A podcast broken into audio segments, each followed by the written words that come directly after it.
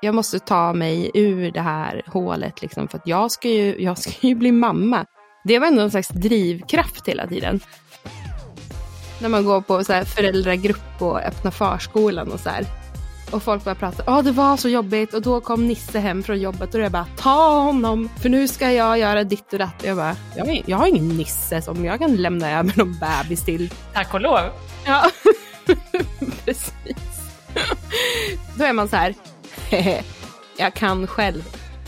Att det skulle bli assisterad befruktning hade 39-åriga Lovisa Johansson räknat med sedan länge. Men något hon inte var beredd på var att hon skulle gå in i väggen, mitt i processen. Vägen till att bli mamma blev både svårare och tog längre tid än hon hade tänkt sig, men i slutändan blev det också en helande resa.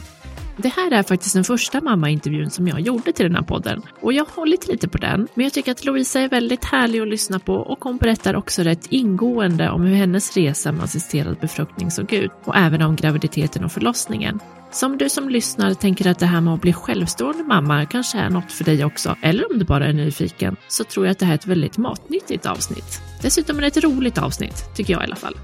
Eftersom det var ett tag sedan vi gjorde intervjun så gjorde vi faktiskt en liten snabb uppdatering. Så det får du höra först och därefter kommer resten. Och då är Louisas ljud också bättre än nu i början. Så varsågoda. Louisa Johansson här i mammaintervjun med mig, Lisa Näs.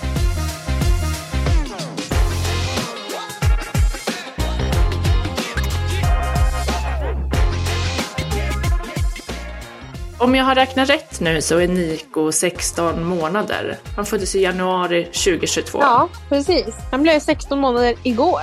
Wow, stor kille. Ja, han är jättestor. Hur har ni det? Jo, men vi har det bra mestadels. Nu har vi inte haft det så bra typ senaste tio dagarna för han fick magsjuka. Mm. Och sen tog den om två gånger.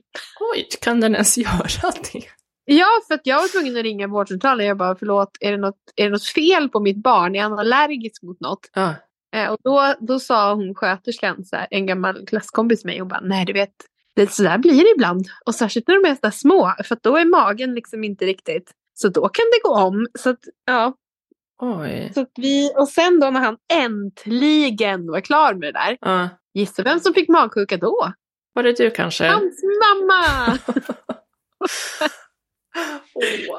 Hur gick det då? Jo, men det, gick ganska, alltså det var ju ganska så snabbt avklarat, Ja. själva, själva kräkbiten. Så det, då är man ju mest så här. Slut. Och jag passade på att göra det när han sov. Så det var ju, det var ju snällt Ja. av mig. Men framför allt var det ju så här. Jag har bara träffat en 16 månaders unge och ingen annan människa i tio dagar. Ja, Jag, kan, jag kanske kommer att bli galen. precis. Men du kunde liksom inte skicka över honom till mormor och morfar eller någon sån? Nej, de, det- de vågar ju inte det. Nej. Ja, men vad skönt att ni är bättre nu då. Nu mår vi bra. Nu är han på förskolan och jag har varit på jobbet. Mm. Och det var lite så här, får jag, får jag vara i verkligheten? Har jag släppts ut nu? får jag vara med? Hur går det på förskolan för Niko? Jo men det går väldigt bra faktiskt. Alltså själva inskolningen var ju så här. Vi har varit så mycket på, på öppna förskolan när han Mm. var under tiden jag var föräldraledig. Mm. Så han är van med det där med liksom andra barn och pedagoger. Och liksom. Vi kom in där och han bara, hej då mamma, nu ska jag, nu ska jag kolla grejer. Mm. Eh, så det är jättebra och liksom första gången som han skulle vara ensam där och så. Och man märker liksom att han tycker att livet är toppen på förskolan. Mm. Hur är det för dig då att jobba igen? Och gud, det var så här, ja, det jag tyckte det var jätte... Jag blev så stressad när jag bara insåg att jag skulle gå tillbaka till verkligheten. Jag ändå tyckt, jag tyckte att det var ganska soft att vara Mm. föräldraledig liksom. Mm. Eh, ja, men vi har gjort mycket, så här, gått på öppna förskolan, hängt runt, så här, varit med mormor och morfar, du vet. Så. Mm. Man får in någon slags, en liten, en, någon ny slags rutin på livet.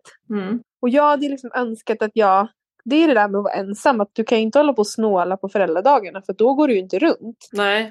Det går ju liksom inte. Så att, och då hade jag ändå snålat lite grann för att jag skulle inte behöva, du vet, skola in honom på hans ettårsdag utan Nej. någon, någon liten stund till. Nej men jag tyckte det var jättejobbigt. Att så här, hur gör man ens när man jobbar? Mm. Vem, vem, vem är jag då? Hur går det till? Ja. Nej, så jag, ja, jag blev superstressad. Och det var ju så innan, innan jag gick på föräldraledighet, jag jag hade ju varit utbränd. Liksom. Jag hade ju precis kommit tillbaka och börjat jobba 75 procent. Mm. Men jag pratade i alla fall med min läkare inför jag skulle börja jobba och var så här, nej men det, det går inte. Jag får så stress, stress, stresspåslag av så här, tanken på det här. Mm. Eh, så nu, har jag, nu är jag sjukskriven 50 procent och, Ja, okej. och jobbar, jobbar 50. Men sen Mm. i juni då, så ska jag upp på 75 igen. Och det är så här, faktiskt gick det ganska fort att vänja sig vid det här Mm. med att träffa vuxna och ha så vuxna samtal på dagarna. Det är ganska trevligt. Visst är det det? Jag tänker också det. Det kan man vänja sig vid. Det är något annat än att prata med en, med en ettåring eller femåring med för den delen. Ja, han svarar inte så mycket. Han säger mest bara titta! Ja. Det är det enda han säger hela tiden. Titta! Och... Vad betyder det? Ja, det vet, det vet man inte. Nej, Men han säger det ofta. okej. Nej, men att prata med vuxna var inte, det var inte så fel. Och sen så, man kom ganska fort in i sådär, ja men att jobba. Och nu, nu är det mer liksom att man ser fram emot lite grann och få vara på jobbet. Mm. Få liksom en annan typ av, av utbyte. Men det har ju varit otroligt mycket vabb. Ja, Alltså det har varit så mycket vabb. Och man blev, alltså jag, jag var ju varnad ja. inför. Liksom. Ja, men nu kommer han att få alla, alla liksom förskolevirus. För han har ju varit en ganska frisk unge Mm. hela sitt första år. Nej, jag har inte haft en enda hel jobbvecka där jag har liksom varit på jobbet måndag till fredag. Nej. Det har alltid varit någonting. Det är en stor frustration och det är väl kanske det jobbigaste jag tycker med att vara ensamstående. När det blir den här sjukdomen och isoleringen. Mm. Att ingen vill ju komma hit då. Inte Nej. ens mormor och morfar. Nej. Jag vet så här, mamma, ja, men då när han liksom hade bara förkylning och ingen kräksjuka och det. Då vet jag att mamma kom och så, så här, finns det en liten lekplats eh, som vår samfällighet har. Mm. Så att mamma kom och så här, var med oss ute på lekplatsen. För där kändes det så här, ganska smittsäkert på något vis. Ja. Men då känner man sig så här, jag längtar liksom efter vuxenkontakt då. Ja. Eller som nu när han, när han har varit magsjuk, du vet, och, så, och han kräks i sängen. Det är då man önskar att man var två som man var så här. Du duschar barnet, jag byter sängkläder. Nej, men Ah. då är det ju så här. Jag duschar barnet och torkar barnet och ser till att barnet inte får ett nervöst sammanbrott av att jag inte kan hålla i honom exakt hela tiden. Ja. Och sen ska jag byta sängkläder och så ska jag lyckas torka upp det här på golvet då. Mm. Eh, fast jag måste sätta ner honom fast han får inte komma och Nej, arsla nej. sig fram och liksom rumpa i det här. Och det är då man känner så här, nej, men att vara en till förälder skulle ju inte vara jättedumt faktiskt. Nej, precis då kan det ju vara ett plus. Ja, då är det ju liksom, då är det ju ensamt och då blir det så himla påtagligt att bara just det. Jag är ju faktiskt en, en ensam mamma. Ja. Och det är så här, ja, men i vardagen generellt så tycker jag inte att det är, jättejobbigt. Nej, Men det, men det är de där stunderna när det liksom inte är, precis. ja, men när man är instängd. Liksom. Ja, kan man ju bli knäpp Det är liksom. inte så kul. Även fast man är två. Ja, absolut. Nej, men då, alltså jag är så himla tacksam mot mina föräldrar. För de är ju så här, för det är inte som att, ja men då har han magsjuka. Det är inte som att man kan bara så här, slänga in honom i bilen och åka på Coop om man behöver det. Nej, nej, just det, precis. Utan då, då har det varit så här, pappa, vi har slut på lite grejer här. Nej men det, de är ju verkligen helt oumbärliga. Jag förstår inte riktigt. Vad heter din pappa? Min pappa heter Lars och min mamma Lars. heter Elisabeth. Just, då kommer Lars taxiservice in igen, den pratade vi om förut. Och så var det då, när, jag, när han äntligen var frisk och jag blev sjuk, då var det så här, jag vill inte ställa mig och laga mat nu Nej. till det här barnet. Så jag så här, pappa, kan du åka på McDonalds till ungen? Ja, Och då ringer, då ringer han så här, ja, du var från Foodora utanför. perfekt. Jag är ändå imponerad att han vet vad Foodora är. Ja. Han är inte från Foodora-generationen på något vis ändå. Har ni Foodora i Härnösand? Vi har Foodora i Härnösand men alltså jag kommer, kommer aldrig att använda Foodora igen. Det var, det var en mardrömsupplevelse. Aha. Den första och enda gången jag använde det. Alltså, de, har för få, de har för få bud. Ja. Och det är liksom för långa avstånd. Och du vet så här. Nej men det funkar inte. Så, beställde vi så kom det fram. Och så var det så här. Dels så, så hittade han inte. Och så bara när jag beställde så var det så här. Du får din mat om 20 minuter. Sen tog det en och en halv timme. Och så när Ah. det kom fram så var det så här. Kall Oj, oj, hamburgare med kalla pommes frites och någon sån här, du vet, mozzarella stick som hade stelnat. För att, Oj, oj, oj. Nej, det var ingen höjdare. nej, då, då slänger vi in oss i bilen och åker till drive-inen själv känner jag. Ja, eller ringer Lars Foodora Service. Ja, eller Lars Foodora Service. Det är bra. Men han kanske kan ta fler kunder där borta i Härnta. Ja, varför inte? Du, nu har du redan svarat på massa av de frågorna jag hade. Vad bra. Lite om det där med ensamheten i föräldraskapet som vi pratade om förra gången också. Ja, precis. Eh, men du, en viktig fråga. Ja. Har du hunnit dejta någonting sen vi pratade? Nej, det har jag ju inte. Och det, och det förstår jag inte hur jag ska liksom lyckas få till. Nej. Och också så här, när ska jag dejta och vem ska jag dejta och var ska jag hitta den här personen? Liksom? Nej, precis. Men jag tänker så här, om någon hör det här och tänker wow, Louisa, hon verkar vara en kul Ja. henne, då, då kan man ju höra av sig till mig så skickar jag vidare kontaktuppgifter. ja, gud det låter jättebra. Eller hur? Lisa, Lisas datingservice. Precis. Du får byta namn på podden sen till så här. Ja, vi får väl se hur det går. Om, om någon, eh, om någon nappar här så... Ja, Ja, då har du en ny grej på din karriärs precis, varför inte? CV liksom. Ja. Ja, nej, jag förstår det är Nice. svårt att få till med magsjuka och vab och hela köret. Ehm, Jag kände att det var större, ändå större liksom, så att säga, chans när jag var föräldraledig. mm, Då hade man ju kunnat så här, hitta någon på öppna förskolan. ja, typ. exakt. Kan man lite nya sådana mötesplatser också då? Där du inte har varit förut Ja. och kollat. ja, men precis. Det blir helt nya arenor som öppnas. Man är ju jättemärklig om man går på öppna förskolan utan ett barn. Det tror jag inte. Ja, det är väldigt det är misstänkt. Det vill man helst inte Ja. se, tror jag. Vi hoppar det. Ja. Men alltså, vi får se. För jag börjar ändå, jag börjar ändå längta. Det skulle vara roligt så här, att hitta någon som också har ett barn. Eller hur? Det måste ju vara Och perfekt. så blir det så. Instant family. Ja. Så får man liksom, Nico får ett syskon, jag får en partner. Ja. Det blir jättebra. Ja, alltså, vi har, jag har ju rum. Jag har ju ett helt radhus, herregud. Ja, herregud. Du får plats med en unge till. Du Louisa, kul att få prata med dig igen. Ja, men detsamma. Tack för att du var min första intervjugäst i mammaintervjun och tack för att du har delat med dig så bjussigt och kul och bra. Vad roligt att du tycker det. Ja, jag tycker jag. Tack ska du ha då. Ha det så bra och hoppas ni inte behöver vara sjuka så mycket på närmaste veckan i alla fall. Nej, tack detsamma. Ja, men då kör vi vidare med resten och vi börjar med första frågan. Lovisa, hur var det för dig att bli mamma? Jättekul. Och väldigt så, alltså ganska likt hur jag trodde att det skulle vara. Men det tror jag, alltså det tror jag att det är för att jag har tre systerdöttrar liksom, som jag har följt så väldigt, väldigt Ja. nära. Eller särskilt de yngsta två. För jag bodde ju i Stockholm Mm. och sen föddes min äldsta systerdotter för åtta år sedan. Och då fick jag så här, nej men jag kan inte bo i Stockholm, det är alldeles för långt bort. Jag måste ju vara med vilja liksom. Så att jag, ja, i december 2014 flyttade jag hem och sen började jag jobba där. Just det, för du är uppvuxen i Härnösand, är det så? Ja, precis. Jag är uppvuxen i Härnösand. Ja.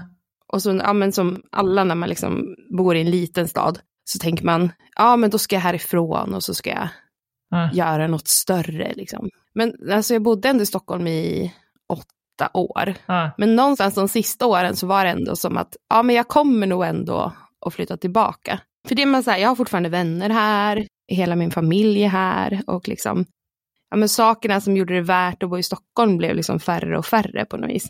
Mm. Det är ganska mysigt i Härnösand faktiskt. Ja, det är det. Jag kan förstå att det är skönt, liksom, när man har familj och så och vänner, att det är skönt att flytta hem till en liten stad igen. Och särskilt när man är enda föräldern kanske. Ja, precis. Mm. Jag hade ju inga barn, eller inget barn då när jag flyttade hem, men det fanns ju också så här, jag hade ju någonstans lite grann behövt planera för det redan då. Eller jag hade tänkt så här, träffar jag ingen att skaffa barn med, då kommer jag att skaffa barn ensam. Jag hade liksom börjat forska lite i så här, ja men hur går det till och kan man det? Och jag, alltså jag vet inte riktigt när det blev så att ensamstående fick inseminera i Sverige. Men det, 2016, ja. tror jag. Så innan det hade jag ju börjat säga, ja men jag ska åka till Danmark liksom. Och Ja. börja fundera över så här, kan man ta ett banklån för att, för att skaffa barn. Mm. Lite den. Och sen blev det ju, sen blev det ju liksom eh, så att man kunde få genom regionen, även som ensamstående. Då var det så här, ja, men det är nog, det är nog för mig liksom.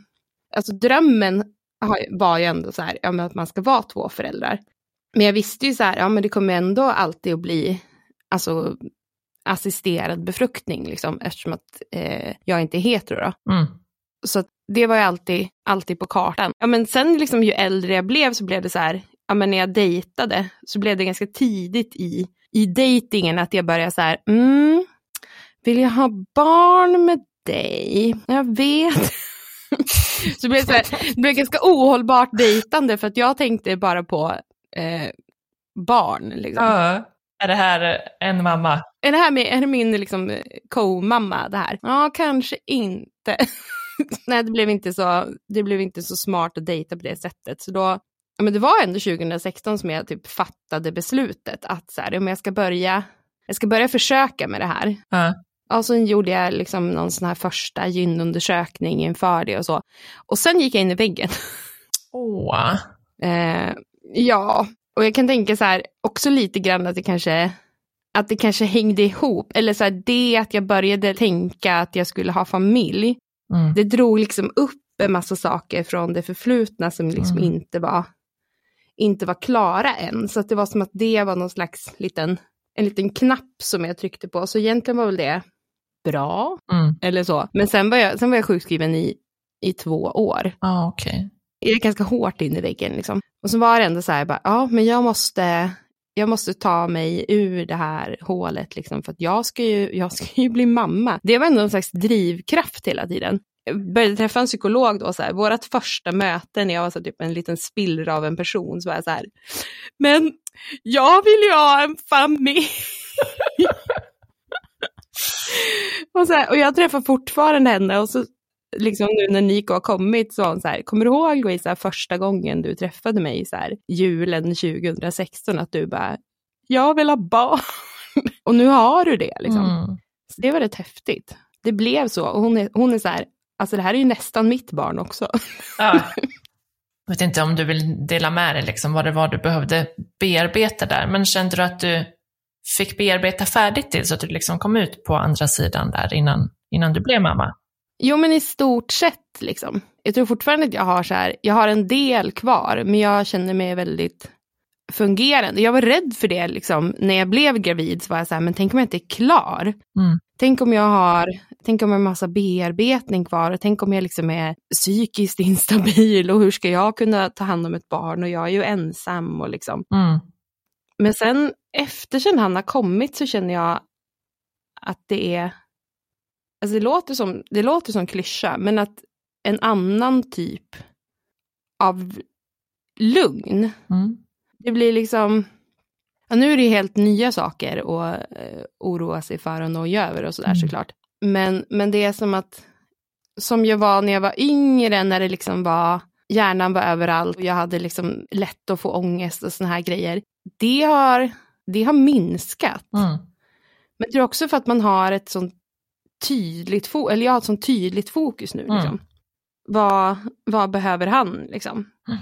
Men också blir, har jag liksom, mm, ja, men kommit till ganska bra insikt med, alltså efter några månader, att så här, ja just det, vad jag behöver, jag måste se till att få det också, för annars så mår ju ingen av oss bra. Liksom.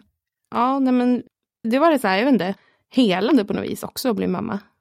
Men vad skönt. När du började fundera på, eller du sa att du hade börjat tänka liksom att ja, men det kommer nog bli assisterad befruktning för mig. Och Ja. undrar hur man kan gå tillväga. Hur gammal var du då? Ja, hur gammal var jag då? Alltså jag började säkert lite så här som smått fundera på det redan i kanske 25-årsåldern. Ja. Och sen alltså när jag flyttade hem till Härnösand då var jag ju 31. Mm. Och då funderade jag liksom på det verkligen på allvar. För då behöver man också känna den här tiden. Liksom. Den biologiska klockan, jag har fyllt 30, jag är fortfarande singel. Det är liksom, ja men du vet, när man håller på. Det känns som att det är en, en grej som våran generation håller på med. Det här, kring, det här kringflackandet ganska långt upp i åldern. Liksom. Att man så här inte riktigt vet var man ska jobba och var man ska bo och vem man ska vara med och sådär. Mm. Nej, men så då när jag hade passerat 30 då bara, ja men det här måste ju, det här måste ju hända liksom. Och sen när jag insåg att så här, okej, okay, jag behöver inte ta något banklån för att jag kan faktiskt få det här finansierat. Nej, så att sen då, ja men sen som sagt in i väggen. Och sen ganska direkt när jag liksom hade börjat jobba igen, då inledde jag själva det här, ja utredningen då som man måste gå igenom mm. för att, att få bli mamma på egen hand. När var det då? Det var 2018. Uh. Typ sent på året där. Och sen ska det ju skickas remisser och så måste man göra en sån här psykosocial utredning. Mm. Och det låter ju så, det låter ju så liksom eh, seriöst och livsfarligt på något vis, mm. kände jag. Jag tänker så här, okej okay, nu ska man få en så här okej okay, stämpel i röven att man inte är fullständigt jävla galen. Liksom. Och det var väl också så här, typ det hon sa, den här kuratorn, att så här, ja alltså det låter ju så. Som att du är galen. Ja, precis. Nej, men det vi vill veta är liksom, så här, har du tänkt igenom ordentligt det här som du tänker göra? Har du ekonomiska förutsättningar? Har du någon typ av nätverk? Eh, och också så här, ah. om att man, må, att man mår tillräckligt bra, liksom att man är tillräckligt mycket i, i balans på något vis. Och jag var så här, äh, balans, jag har just kommit eh, ut från väggen, jag är kanske inte i balans. Alltså vet, man blir ju, jag blev ju jätte, jätteskraj för det där. Mm. Men det gick bra, det visade sig att jag inte var eh, skogens tokig. Nej. Så att eh, jag, jag fick en sån här okej-stämpel i rumpan som kalanka. Nej, och sen började det liksom. Jag hade ändå någon slags föreställning om att det skulle gå på första försöket. Uh. Det gjorde det inte.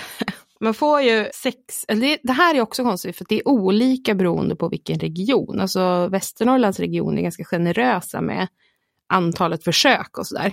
Uh. Så man får, jag fick sex inseminationsförsök. Eh, och då sa de så här, men om det inte har gått efter fyra försök, då brukar vi rekommendera att man byter in de sista två och så gör man en IVF istället. Jag bara, ja men vadå? Men nej, det har varit så att jag, det var fyra försök som inte tog. Mm. Och jag var också tvungen att göra en paus där, för det blev, liksom, det blev pandemi och sen var det liksom ah total kaos på min arbetsplats. Och jag är så här, det här är ju ingen bra typ mental plats att försöka bli gravid, liksom, när allting, de skulle säga upp jättemånga personer och jag bara, är det jag som ska bli uppsagd? Alltså, alltså, det var så struligt. Och sen när det hade gått de här fyra försöken som inte hade tagit, då var jag så här, okej, okay, ja men nu blir det IVF. Men mm. det är liksom, det är sista chansen. Sen är vi tillbaka på det här banklånet igen. Liksom. Ja, precis. Och IVF, det som de vill göra då, det är alltså att ta ut ägg från dig och befrukta och sen stoppar man in igen om, om det har blivit, eller? Ja, precis. Man plockar ut ägg och sen så, och sen så får de där äggen, de ska mogna på något vis då och så ska man... Mm. Ja, efter, typ, efter ett dygn så ser de så här, hur många ägg kan de använda. Eh, och sen så, ja, och sen är det så här, okej, okay, hur många ja, hur många så här blastocyster blir det då? Och sen, och sen så ska de här blastocysterna Vad är det för någonting? också överleva liksom. Blastocyst, det är typ, man kallar det här stadiet av typ embryots utveckling som de är när de sätts in typ efter ungefär fem dygn tror jag. De kallas för blastocyster. Så jag fick, eh, det blev två. Ja. Två stycken blastocyster. Och sen så så skulle en av de här sättas ja. in då. Ja, alltså herregud. Och då, ja, det här, allt det här skedde i, skedde i Falun. Och så, alltså tack och lov min syster, hon har liksom varit med. Även mina, alltså en gång åkte, en insemination, åkte vi till Falun, hela familjen. Åh, På en liten sån här familjeresa. Och så här, mamma och pappa pappa och syrran och jag. Så här, hej hej, vi ska göra bebis. Ett helt team. Så det var fint. Ja, så jag har alltid haft med mig någon. Liksom. Någon gång har det varit jag och pappa och någon gång har det varit jag och syrran. Mm. Eh, oftast har det varit jag och syrran. Jag vill bara fråga hur det går till då. Så, så först kommer du dit och så tar de ut några ägg. Ja, först måste man ju ta en massa sprutor. Ja, just det. Vad är det för? Ja, först så tar man ju sprutor för att liksom stimulera så här, överdriven äggmognad. För normalt sett så mognar ju inte så, där, inte så många ägg per ägglossning. Okay. Mm. Utan det är väl typ så här ett. Så då, då tar man sprutor som liksom gör att eh, fler ägg ska mogna och liksom vara redo och, Mm. och lossna. Okej. Och sen tar det ju en spruta som ska sätta igång ägglossningen liksom på ett specifikt datum så att man kan styra det så att, så att man liksom Mm. är där när det är dags för dem att, att lossna. Liksom. Och sen alltså, åker man dit och då stoppar de in en liten, som en liten dammsugare Mhm. och suger ut, suger ut de här, äh, tömmer liksom äggblåsorna. En äggdammsugare. Ja men typ, en äggdammsugare. Ut, ut med dem och så, så här, han bara visar mig så här, ja här, jag bara det där ser bara ut som någon typ gulbrun sörja liksom, men i där så eh, ligger det ägg då tydligen. Ah, coolt. Sen får man åka hem och vara så här, ja, först vänta på om, de, om de, har, de har fått några bra ägg överhuvudtaget. Han sa ju då, läkaren, liksom, att han tyckte att det såg bra ut och, och så här, man får göra ett ultraljud först för att se hur äggblåsorna ser ut. Eh, och det tack och lov kunde jag göra i Härnösand, för de har liksom en samarbetsgynekolog här då som, som kan säga det till dem. För att om, det liksom, om inte tillräckligt många har mognat och sådär, då är det ingen idé Mm. att åka ner och försöka hämta några. Liksom. Nej. Men det såg ju bra ut. Så då ut med dem och sen måste man åka hem och vänta och bara okej, ja blev det några embryon överhuvudtaget eller så här blastocyster? Ja, jo men det blev det ju då. Och så ska de, eh, så ska de liksom titta så här hur mycket har de vuxit till sig för de bara, det kan vara om fem dagar eller om sju dagar som vi tycker att de är redo att sättas in. Vet. Så ska man vara på standby Ja. hela tiden. Kunna när som helst bara kasta sig i, i en bil och åka till Falun. Och så jag var ju tvungen att berätta på jobbet liksom Ah. vad jag höll på med. För att man kan så här, ta plötslig semester en morgon klockan åtta utan att säga varför. Liksom. Det blir lite konstigt kanske. Jag behöver ha semester idag hörni. Ja, det blir lite märkligt. Så, och det är väl en, en grej med sånt här, det är väldigt svårt att göra det i lönndom. Liksom. Ja, precis. Då har man ju så här, plötsligt har jag ju då jättemånga människor, alltså jag har ju varit kanske typ extremt öppen Mm. mot hela min omgivning med vad jag håller på med. Men jag funkar lite så också att om det händer någonting stort för mig, då rör sig ju min hjärna där hela tiden. Så då, då är det så svårt att liksom inte prata om det. Så att liksom alla mina kollegor och alla mina vänner och, och liksom många släktingar och så här har ju vetat Mm. Vad jag har hållit på med. Nej, och sen så, och sen in i bilen igen då, jag och syrran. Men var det, när de stoppade in det, var det det som blev Niko eller behövde du göra den där insättningen flera gånger? Nej, faktiskt inte. Och jag trodde också så här att ett försök, det betydde liksom en insättning. Så att jag tänkte så här, de sätter in ett embryo och då, om det liksom inte fastnar, Mm. då måste jag börja punga ut cash sen. Men då förklarade hon liksom att nej, alltså ett försök innebär att du får liksom använda de embryon eller blastocyster som har blivit. Liksom. Det är ett försök. Alltså tills du blir gravid. Just det. Men jag behövde inte, jag behövde bara, bara göra det en gång. Ja.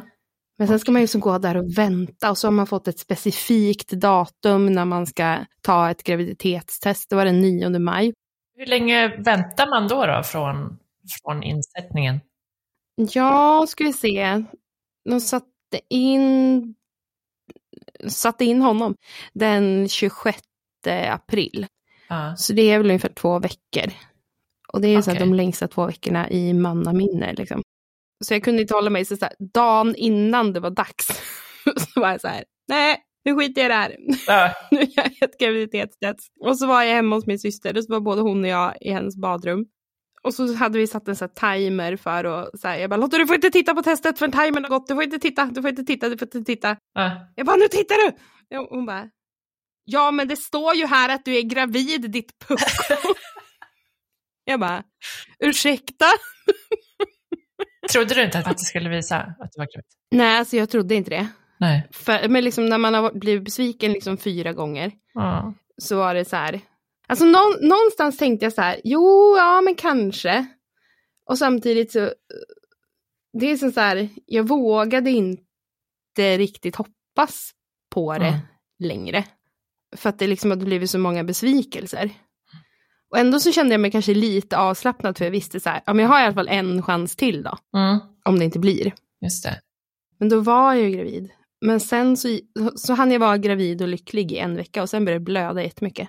Oj då. Och jag bara, jaha, det var det. Ja.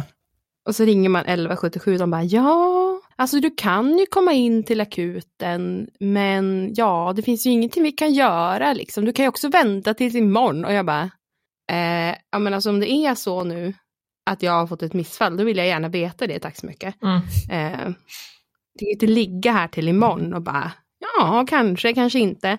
Nej, så vi åkte ju ner och då vet jag så här, för då hade jag ju slutat snusa för att, eh, Mm. för att det hade de ju sagt då, liksom, du ska leva som om du är gravid från och med att vi har satt in embryot. Liksom.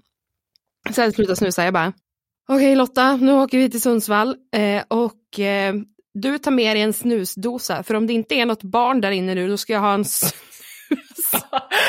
Hela munnen full. Ja, hela munnen full liksom. ja, nej, och så åkte vi dit och så låg jag där och så jag bara sa till den här sköterskan att bara, ja, de sa ju på 1177 att jag kunde ju vänta. Hon bara, vänta, du har väl ett psyke också? Jag bara, tack för att du förstår mig. Ja. Och så tittar de i alla fall, hon bara, nej, det ser bra ut och liksom, vi ser att det finns någonting där inne och liksom allting funkar. Och jag var så här, va? Ursäkta? Vad ska jag göra med mitt snus? Ja, verkligen. Jag vill ju ha en snus. det, var så sjukt. Ja. Jag blev så himla överrumplad. Jag hade försökt bli gravid så himla länge. Och, och så blev jag gravid och då var jag så här, herregud, vad har jag gjort? Kommer jag klara att vara mamma? Ja, Du vet, så här. Så det tog ganska lång tid in i graviditeten innan jag kunde vara lite, lite zen liksom, Ja. över det faktumet. Så här. Ja, men det, kommer, det kommer att komma ett barn och jag ska ta hand om det här barnet och eh, det kommer jag att lösa. liksom. ja. Gud, så där kände jag också första gången. Man bara, vad har vi gjort? Ja, vad, vad är det för någonting? Ja.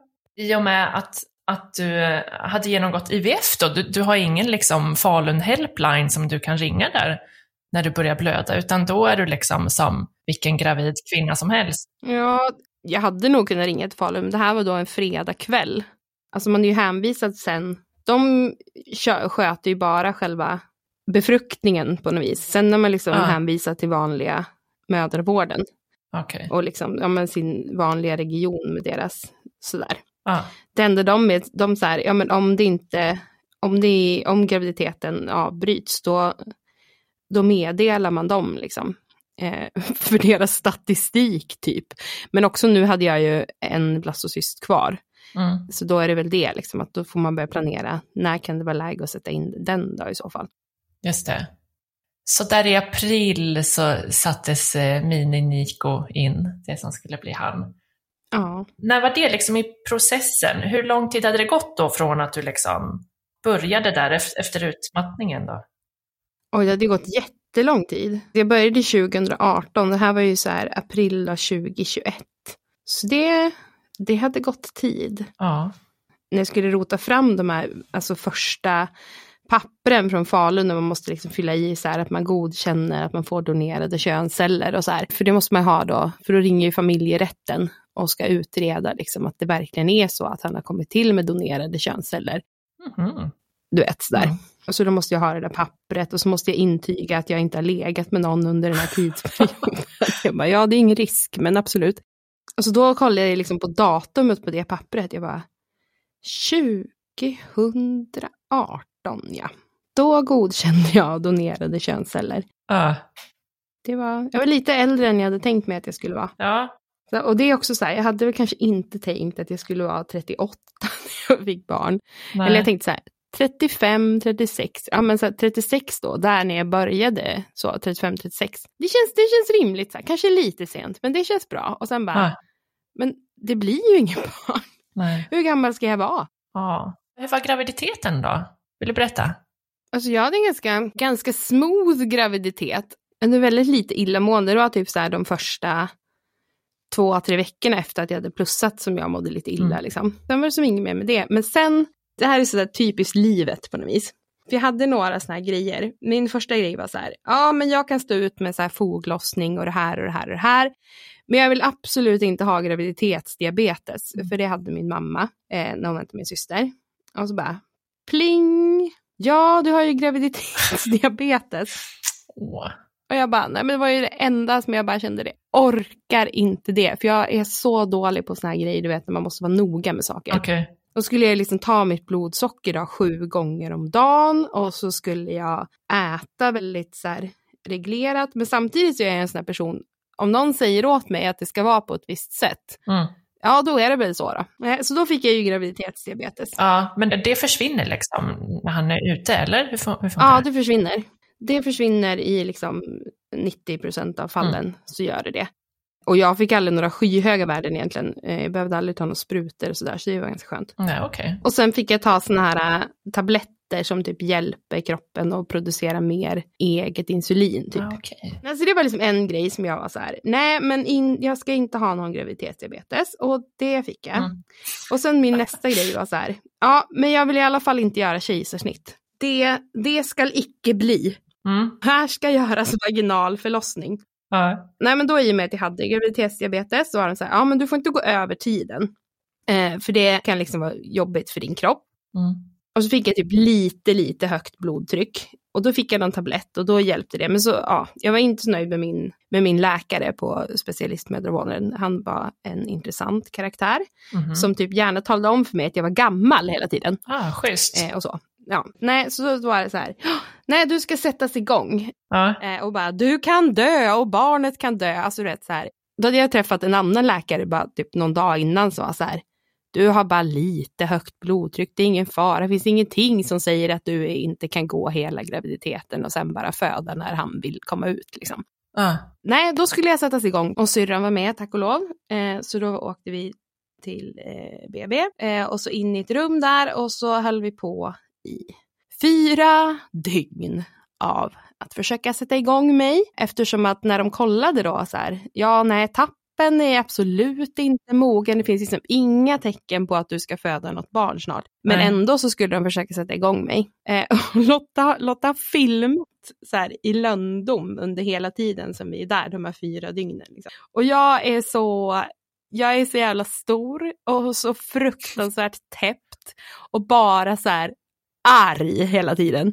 Så jag säger så här, hallå, där du ska, du, jag sitter här på någon pilatesboll och studsar så kanske jag kommer ut. Bara arg. Arg, arg, arg. Och först fick jag ta såna här shottar, så ska man hålla på med det då. Och det Ja. hände inte en tillstymmelse till någon sammandragning av de här shottarna. Ja. Nej, de skulle man ta en paus då i åtta timmar och sen skulle man göra shottar igen. Men vilken vecka var det här då? Det här var i vecka 38 någonting. Ja. Vi började igångsättningen 3 januari. Han var beräknad att födas den 11 då. Okej. Alltså en omgång med såna här shottar till. Mhm. Och sen gör vi så här, ska vi försöka sätta in en sån här ballong? Mm.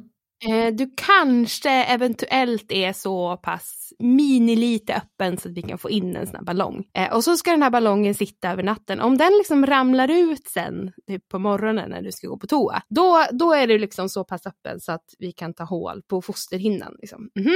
Just det, för den ska hjälpa till att öppna, är det så? Ja, den ska liksom vidga på något vis. Just det, okej. Eh, när så den ballongen ramlade ut och jag tänkte, ja men jajamän, nu kan de ta hål på hinnan, nu blir det åka av. Ja. Nej, då, min, min lilla tapp, då bestämde den sig för att krypa tillbaka. Jaha. Så då kunde de inte komma in där och ta hål på den här jävla hinnan. Jag grät så jävla mycket, man, vet, man är hormonell, det var pandemi, vi fick inte typ röra oss utanför vårt rum på fyra dygn. Och du vet så här, sjukhusmiljö, vad inspirerande det är. Och jag var så stressad för min syrra hade liksom följt med och hennes man var ensam hemma med deras, Mm. med deras tre barn. Du vet, det var jullov och jag hade liksom dåligt samvete för det. Åh herregud. Mm. Nej, och då var det så här, ja nej, men då provar vi en sån här omgång med shottar till. Jaha, sagt och gjort så vart det shottar. Ja men då kom det ändå lite så här sammandragningar så man bara, ja nu händer det, nu är det snart dags att föda barn. Och sen var det så här, mm, ja det är inte så mycket sammandragningar, så då, men då kommer doktorn ska komma in och säga liksom hur vi ska gå vidare nu. Och jag bara, bara det inte är den här jävla muppen. Och så öppnas dörren och vem kommer in? Jo, min absoluta favoritläkare. Och jag bara, vem som helst men inte han. Och han bara, ja nej men nu har vi liksom, nu bedömer vi liksom att nu har vi försökt så länge och liksom, för att jag mådde ju ändå bra så rent fysiskt, mentalt var en annan fråga. Och barnet mådde bra och allting. Men vi har ändå bestämt så här att nu är det dags att göra kejsarsnitt. Och jag blev så jävla förbannad. Jag Mm. blev så förbannad och jag blev så liksom ledsen och du vet så här grät hela vägen in i den här operationssalen och jag var bara så här Jag var bara arg och less och trött. Mm. Men då blev det det i alla fall. Och sen så, började de, så satt, sätter de ju sån här epidural och då får man ju ingen känsel då liksom från typ Mm. revbenen och neråt. Och jag var så här, fick tokpanik. Jag tänkte så här, jag kommer, det kommer gå upp i lungorna. Jag kommer typ att sluta andas. Så jag bara, bara skrek så här, ni får söva mig! Jag vill inte ta bort, ni får sluta. Det var bara det att då hade ju de redan börjat skära. Eh, Ah. Så det, var, det var ju liksom det var, så här, det var ingen återvändo då, utan då var det bara att åka med. Min syrra höll min hand så här och, typ, och så fick jag så här extra syrgas. Jag bara okej, okej, okej. Och sen plötsligt bara fanns han liksom.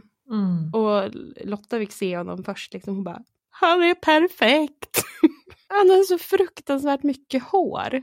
Ja. Alltså, sen, jag hade också så mycket hår när jag föddes, men det var verkligen så här, han föddes med frisyr liksom. Ja. Och då fick jag någon så här, han har så mycket hår, det är mitt barn.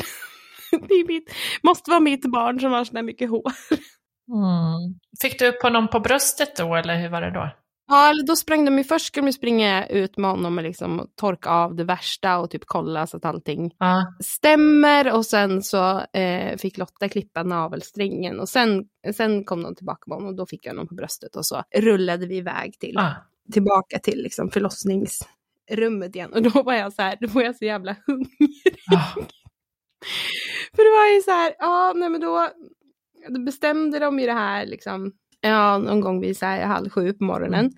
Eh, så bara, ja men då får du inte äta någonting. Och jag var så här, nej okej, jag är hungrig nu. Precis, absolut. efter Eh, fyra dygn på sjukhuset.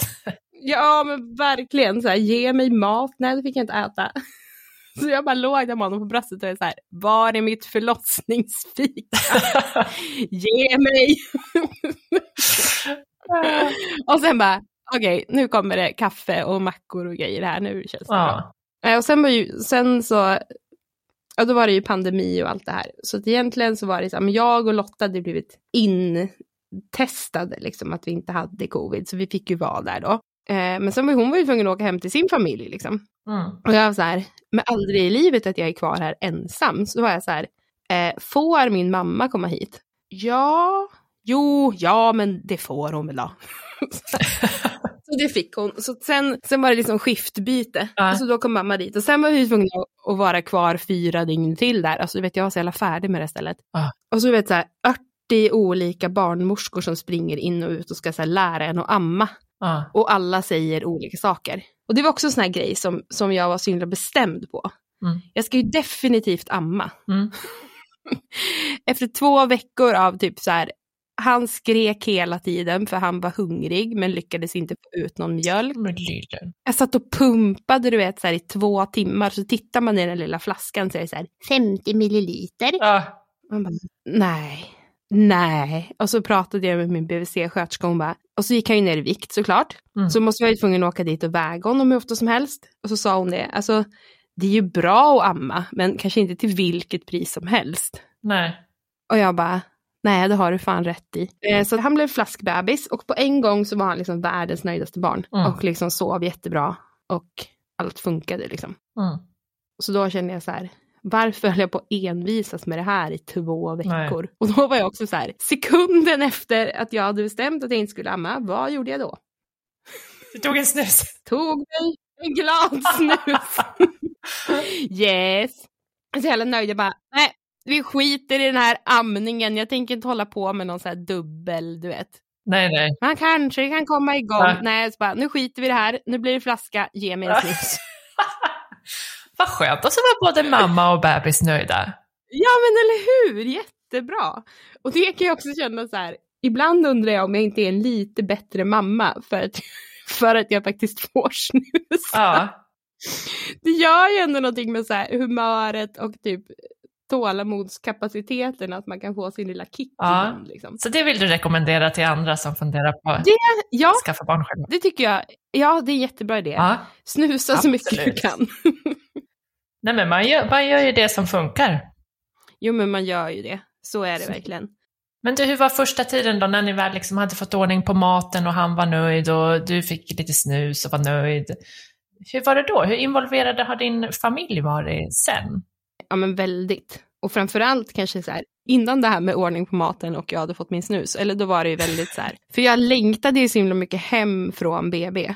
Ja. Eh, och, så, och så packade vi in oss i bilen och så, bara, så stannade vi utanför huset och jag bara Ah, nu är alldeles ensam och det här kommer aldrig att gå. Hon kommer aldrig att gå. Och jag kan fortfarande inte mata honom. Alltså du vet så här. Mamma bara, ja jag kanske ska, kanske ska följa med dig in då. och vara med, var med lite grann. Nej men så i början så var det ju så här, då hade ju mamma typ telefonjour typ de första veckorna. Ja. För då var det så himla mycket såna här, han skulle vägas hela tiden. Mm. Och så andra kontroller, du vet. Man ska kolla det här så att de hör ordentligt och så. Och det var vi tvungna att göra jättemånga gånger för att han hade citat fosterfett i öronen. Mhm. Men ja, så det var liksom bara åka till olika mottagningar liksom. Mm. Och då pappa så här, då kom pappas taxiservice eh, och hämtade oss varenda Mm. gång. och körde oss dit vi skulle, för pappa tyckte inte att jag skulle köra bil. Alltså får man inte lyfta saker annat än bebisen, liksom när man gjort kejsarsnitt. Så det var väldigt mycket så här, Just det. Ja, att mamma och pappa handlade åt mig. Eller typ att mamma var med Niko och så åkte jag och pappa och handlade. Men jag fick absolut inte bära kassarna och sådana här grejer. Mm. Vi åt väldigt mycket. Eller jag åt väldigt mycket hemma hos mamma och pappa eller hemma hos min syster. Och det gör jag fortfarande. Liksom. Mm. Vi umgås väldigt, väldigt mycket. Ja.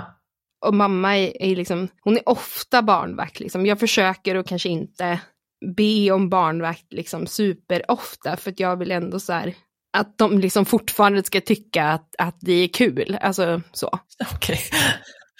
Men, men vi umgås väldigt mycket som istället. Ja, Alltså det är avlastning bara att inte typ vara helt ensam med honom. gud ja. För då kan man också bli lite, jag blir väldigt fort uttråkad, liksom, apropå det här med Mm. eh, leka med plastbyttor. Jag har liksom uthållighet för den typen av aktivitet, inte så jättelänge Nej. om jag liksom är ensam.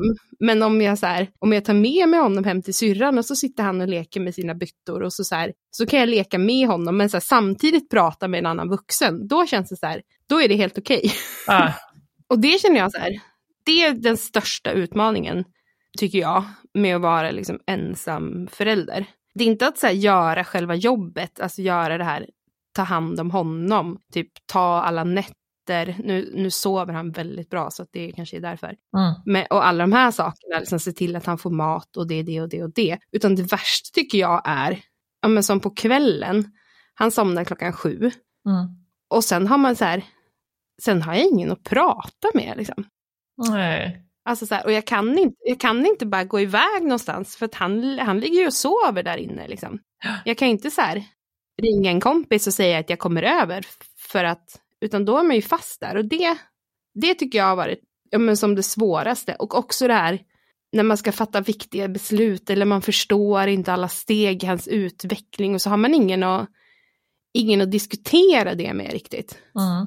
Så här, ska, han, ska han sluta sova i, nästet nu och liksom börja sova i egen säng? Ja, när är det dags för det? Att man liksom, så alla sådana beslut måste, måste jag fatta själv. Det är, så här, det är jag som får avgöra. Jag Mm. kan inte så här, bolla det med någon annan. Så det är mest den här, det är inte själva jobbet, det är mer själva ensamheten i föräldraskapet som jag tycker har varit alltså, svårast att vänja sig vid på något vis. Mm. Var det någonting som du liksom kunde föreställa dig innan att det skulle bli så? Jo, men det gjorde jag. Och då, för då fick jag också, hade jag också någon liten sån panikperiod under graviditeten när jag bara... Ah! jag kommer vara ensam jämt och så kommer jag vara fast hemma för att jag kommer inte... Uh, på alla kvällar kommer jag vara ensam. Men nu har jag ändå så här... Det har gått ganska bra som en längre tid att, att ta med honom och sen får han... Tyvärr så är han ju inte så här, man kan lägga honom i vagnen och så sover han så här hur länge som helst. Utan då, då får man så låna någon säng Mm. hemma hos den man är hos. Och så, så här, natta honom där. Och då har det gått ganska bra. Och sen så, och sen så, så här, lagom tills han vill äta någon gång vid midnatt typ. Då är det Mm. så här, ja då får du äta och så går vi hem och sen fortsätter vi att sova liksom. Mm. Du sa att det har varit en utmaning, men vad finns det som, liksom, vad finns det som är positivt med att vara den enda föräldern? Mm, Det är ju att man får bestämma allting själv. Det är ju så här, jag fick bestämma namn helt själv. Ja, men alltså, du, får ju, du får göra alla avgöranden ensam. Sen är det också lite positivt kan vara så här, att man känner sig lite som en, eh, som en superhuman. Liksom. Ja. När man går på så här föräldragrupp och öppna förskolan och så här. Och folk bara pratar, ja det var så jobbigt och då kom Nisse hem från jobbet och jag bara ta honom för nu ska Ja. jag göra ditt och datt. Jag bara, jag, är- jag har ingen Nisse som jag kan lämna över någon bebis till. Tack och lov. Ja, precis. Nej men så här, och då, då är man så här, "Hehe, jag kan själv. Man känner sig ganska stark och också så här, ja, men det är ingen annan som lägger sig i vilken typ av uppfostran vi ska ha. Ska han döpas? Ska han inte Mm. döpas? Alltså så här, det är jag bestämmer det. Jag bestämmer allt. Det är ganska trevligt. Mm. Man får lite den här vi mot världen feelingen som är, som är ganska mysig. Mm. En annan jobbig grej är annars typ att, att man blir en så vandrande informationscentral om assisterad befruktning. Alltså så här, Ja. inte det typ så här rent hur det går till och så, utan mer så här, folk ska alltid bara, ja men vet du vem donatorn är? Vet du hur han ser ut? Har du fått sitta och titta i en sån här perm som man gör, du vet i amerikanska filmer? Och så måste man Ja. förklara det för 80 gången. Så här bara, nej, det är helt anonymt. Ja, Nico kan få veta vem donatorn är när han har blivit vuxen. Nej, donatorn har, kan inte så här komma och mena att det här är hans barn. Alltså du vet alla såna här grejer som för mig är så självklart och liksom bara... Ja. Och, det, och då blir man så här, okej, människor vet verkligen ingenting. Det här är verkligen super exotiskt. Mm. Och har man rört sig då i en så här hbtq-värld, där det verkligen inte är superexotiskt, där det liksom är, ja men så, så skaffar man barn om man inte har en partner av det andra könet. Liksom. Ja. Då, blir man så, då blir jag så himla förvånad över vad, lit, vad lite människor vet. Också så att läkaren på BVC var så här, jaha, ja du är mamma på egen hand ja. Hur, hur gick det till? Man bara, ursäkta? Eh, Du vet inte det. Du, du, du, du liksom jobbar på en vårdcentral och är liksom läkare på BVC. Och sen, så vill han fråga mig hur det gick till när jag skaffade mitt barn. Ja. Hur ser den processen ut? Typ, Jaha, är det regionfinansierat? Hur gör man då om man vill, ha, man vill få det? Man bara, ja så egentligen så är då vårdcentralen första steget som man vänder sig till om man vill få hjälp få hjälp med assisterad befruktning. Så att, eh, det, här känns ju, det här känns ju rimligt. Ja. Ja, men då blir jag så här, eh, okej. Nej men det tycker jag väl är jobbigt, eller det hoppas jag så här att, att Niko slipper i så stor mån som möjligt. De här frågorna liksom, Ja. om hans donator. Och sen blir jag också prillig på folk som kallar donatorn för pappan. Man Ah. bara, nej, det är inte pappan. En pappa är en person som uppfostrar ett barn. Det är liksom inte, det är inte någon som har donerat några könsceller i en kopp. Liksom. Alltså jag, jag Mm. älskar den här personen som har, har gett mig Niko, liksom, men det är inte Nikos pappa. Mm. Niko har en, en förälder och det är jag. Liksom. Sen han Mm. kanske kan få någon bonusförälder längre fram så. Men liksom, nej, han, han har ingen pappa. Men har folk sagt det till dig liksom? Frågat om hans pappa? Ja, ja, men vad vet du om pappan?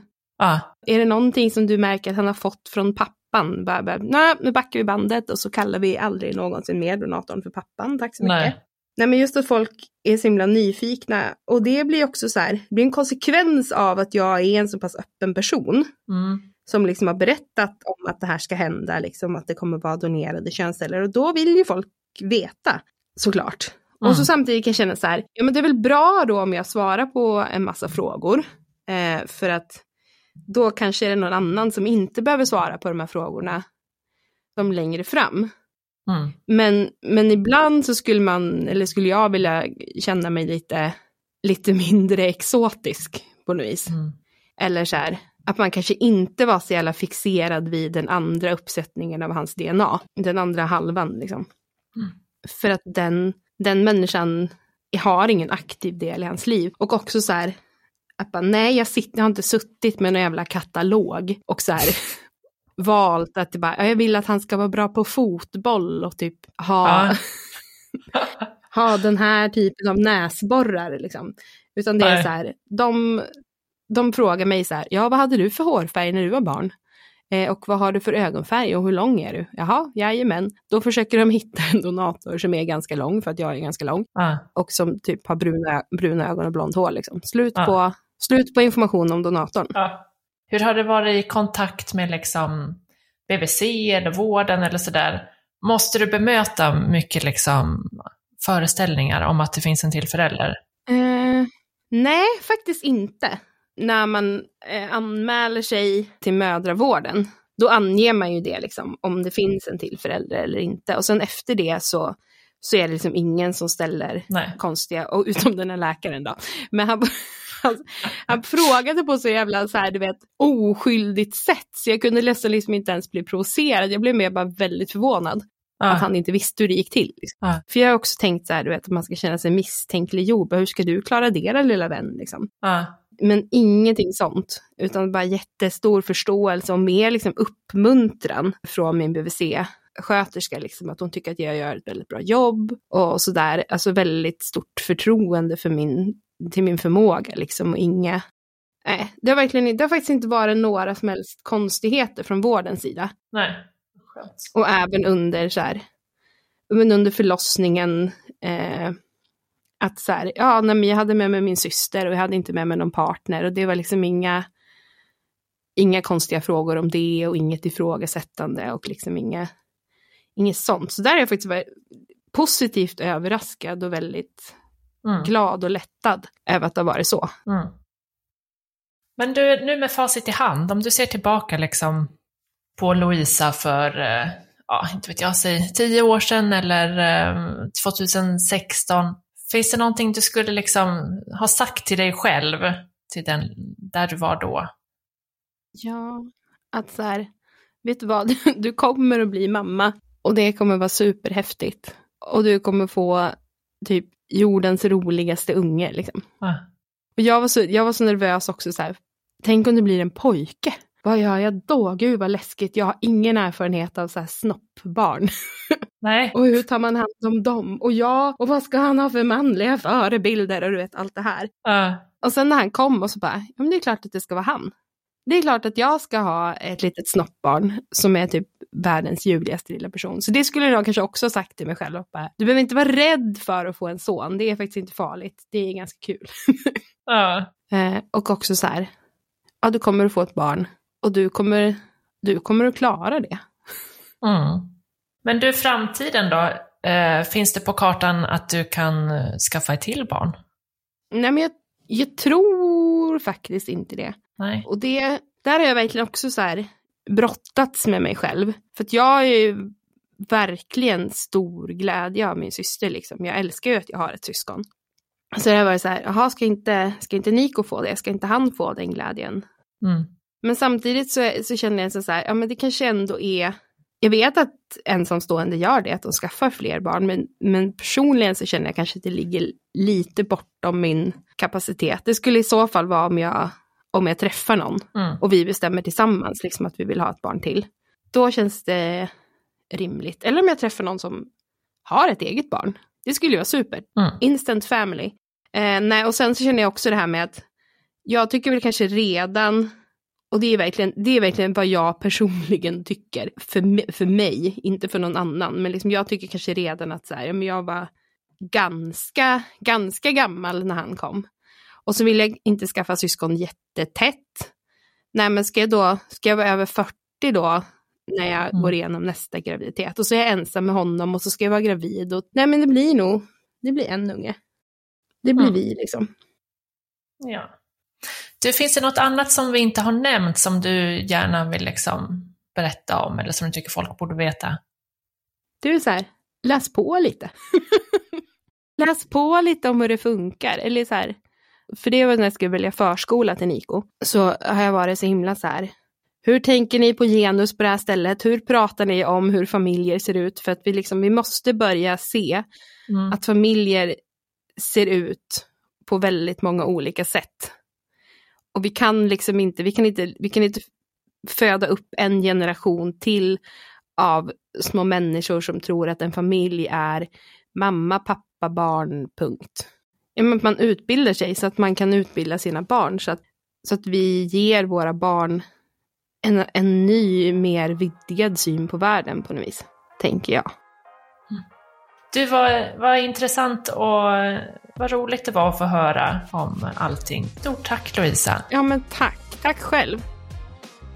Ja, hörni jag måste slänga in några brasklappar här. För det första, jag vet att det raljeras lite kring snusning. Det finns ju förstås hälsorisker med att snusa, så skit i det eh, bäst kanske. Vad mer? Jo, jag vet att vi i avsnittet säger någon gång skaffa barn och det är såklart inte så lätt för alla. Det tror jag är tydligt för alla som precis har hört det här avsnittet. Det är ju helt enkelt inte så att man bara skaffar barn. Men hur som helst, om du gillar mammaintervjun så skulle jag bli jätteglad om du ville tipsa dina kompisar och lyssna. Och lyssna på de andra avsnitten också om du inte har gjort det. Och så blir jag jättetacksam om du vill ge den här podden ett fint betyg i appen där du lyssnar, så att fler kan hitta mammaintervjun. Tack för att du har lyssnat och följ mig gärna på Instagram också, mammaintervjun heter jag där. Super, vi hörs i nästa avsnitt.